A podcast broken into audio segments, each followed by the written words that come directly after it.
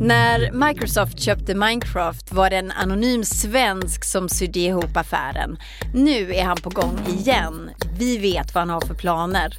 Och när ska Big Mike sluta luras? Vår följetong om crowdfunding-bedragaren går vidare.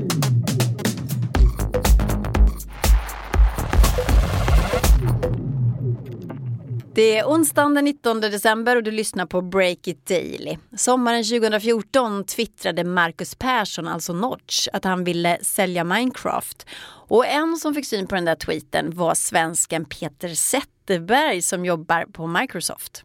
Ja, nej det var, jag tror det var 9-10 på kvällen i juni som jag textade Karl. Han sa att han behövde ett par timmar och bara kolla läget med Marcus om han var intresserad av att prata med oss. Och då, två timmar senare så kollade jag på telefonen och fick jag text från Karl och sa ja, vi vill prata.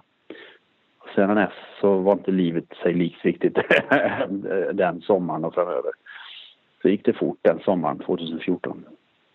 Och vi kan nu berätta att Peter Zetterberg, som alltså hjälpte Notch att sälja Minecraft för 18 miljarder kronor, satsar på en egen succé nu. Erik Wisterberg, du har pratat med honom. Han landade ju igår sent på eftermiddagen i Boden eh, av alla platser berättade han för mig över telefon. Och där ska han nu presentera sin nya egna satsning som liksom en egen entreprenörsdröm som Peter nu ska testa. Okej, okay, vad är det då?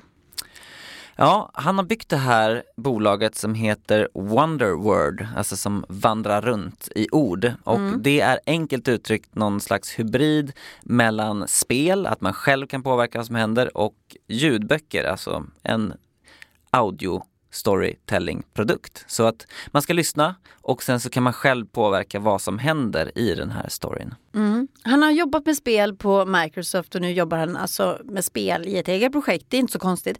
Men det som är konstigt är att han gör det just i Boden. Vad ska han där göra?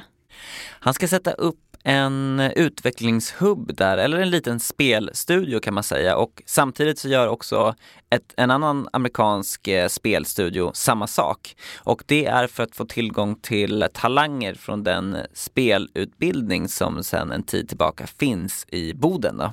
Ja men det, det, låter intressant, det låter kul det han håller på med nu. Men såklart så tänker man ju på att han var den som sydde ihop den här fantastiska affären då för Minecraft och Notch. Och de hade kontakt då. Hur är det idag?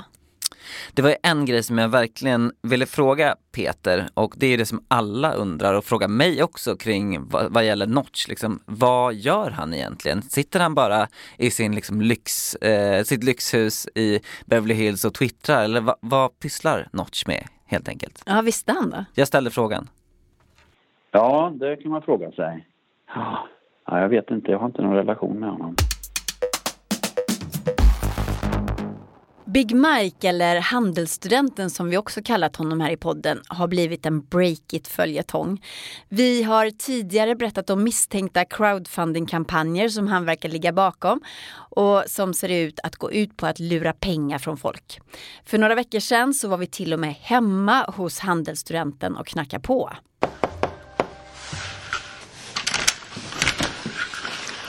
Hej! Du, vi har letat efter dig. Du kommer från Breakit. Alla spår leder till handelsstudenten a.k.a. Big Mike, men själv så nekar han till allt. Reporter Johanna Ekström har grävt vidare i Big Mikes affärer. Ja, eh, och först har vi då berättat om eh, kampanjen som heter Bioring och det var ju en, en smart ring som skulle mäta kaloriintag och puls och allt möjligt och den var för bra för att vara sann kan man säga. Eller hur? Och där drog ju Big Mike med 4 miljoner och försvann. Sen kunde vi koppla då den här handelskillen som vi har kallat honom till en ny kampanj som heter Semblanket och det är ju ett, eh, ja, ett tyngdtäcke helt enkelt som ska göra att man får bättre sömn. Och även den, där vet vi inte än att det är en bluff men det, det mycket tyder på det. Mm. Och nu då så har jag hittat ännu en misstänkt bluffkampanj med kopplingar till den här personen. Till samma person. Vad är det för kampanj då? Eh, det handlar om elcyklar som är ganska poppis just nu. Och eh, det är en kampanj som har samlat in nästan 3 miljoner kronor på både Kickstarter och Indiegogo. Mm, men allt verkar inte stämma där alltså? Nej, dels har vi hittat kopplingar till samma person då som, som tidigare har bluffat med Big Byrie. Mike, Ja. handelsstudenten. Exakt, och det är ett dokument då som jag sett på Bolagsverket där som liksom pekar mot honom. Och sen om man börjar kika då på Likebike eh, och deras adress så är det en företagspark utanför Uppsala. Det som är lite märkligt är att just det gatunummer som de har uppgett existerar inte.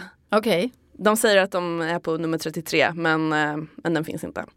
Utöver det då så är det också en, en väldigt skum detalj och det är ju att som ansvarig för den här kampanjen så står en svensk person Mm. eh, bosatt i Skåne.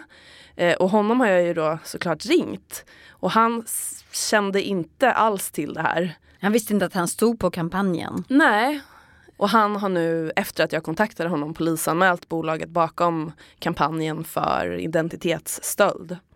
Eh, vad vet vi om de här cyklarna då som de, som de säljer? Ja men vi har ju bett en cykelexpert kika på dem. Cyklarna de, de, kostar ungefär 5000 kronor och eh, det ska då vara ganska billigt för en elcykel. Eh, och de säger att deras teknik är unik Eh, och att den har tagits fram i Sverige då med, med kopplingar till Uppsala universitet. Men den här experten som har tittat på cyklarna, de har ju lagt upp filmer och så på Youtube. Han säger att eh, nej men det, här är, det här är en dussincykel från Kina som eh, det går att beställa på liknande cyklar på AliExpress. Så det är- finns ingen unik teknik bakom den här cykeln? Nej, inte, inte enligt honom då. Mm. Okej, så det verkar alltså vara samma person, den här handelskillen som ligger bakom den här kampanjen precis som de tidigare då. Han har ju tidigare nekat till all inblandning här då och det kan ju också vara så att han är en så kallad målvakt som någon utnyttjar. Men har du pratat med honom igen? Jag har ringt honom igen på det numret som vi har kontaktat honom på tidigare. Numret du har ringt har ingen abonnent eller är tillfälligt avstängt. Men eh, den här gången så var det numret avstängt. Och jag har faktiskt ingen lust att knacka på igen. Jag måste bara fråga dig Johanna, när du jobbar med sådana här saker och du gräver fram nya saker och följer ett spår hit och ett spår dit. Hur är det? Nej, men då känns det inte som ett jobb. För då känns det som att det här tar över ens liv. För att jag sitter i fredags till exempel satt jag och läste saker relaterade till det här på kvällen. Och det är lite svårt att släppa. Sen är det väl också bra om, om man kan få dit en bedragare så att den personen eller de inte kan fortsätta lura folk. Nu lite egen reklam. I april så arrangerar Breakit Beauty and Fashion Tech för andra året i rad. Olivia Lindström, eventansvarig här på Breakit. Du vet vad som ska hända där? Eh, Det kommer att hända väldigt, väldigt mycket under den här dagen. Men en sak som vi kommer att prata om är fast fashion, fast med ett cirkulärt tankesätt. Fast fashion kan ju ses som väldigt ohållbart på grund av att eh, man köper och slänger kläder väldigt ofta, vilket är dåligt för miljön.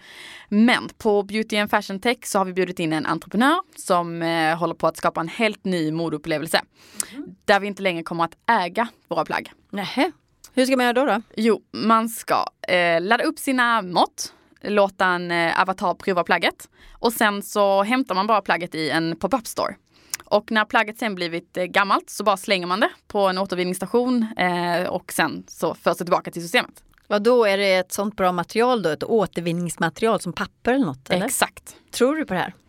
Eh, Jag är väldigt optimistisk, alltid, men eh, Vinnova tror jag i alla fall på det och har gått in med minst 2 miljoner i bidrag. Mm. Så om man vill gå på Breakit Beauty and Fashion Tech, hur gör man? Då eh, loggar man in på www.breakit.se event och eh, bokar våra early bird-biljetter. Passa på!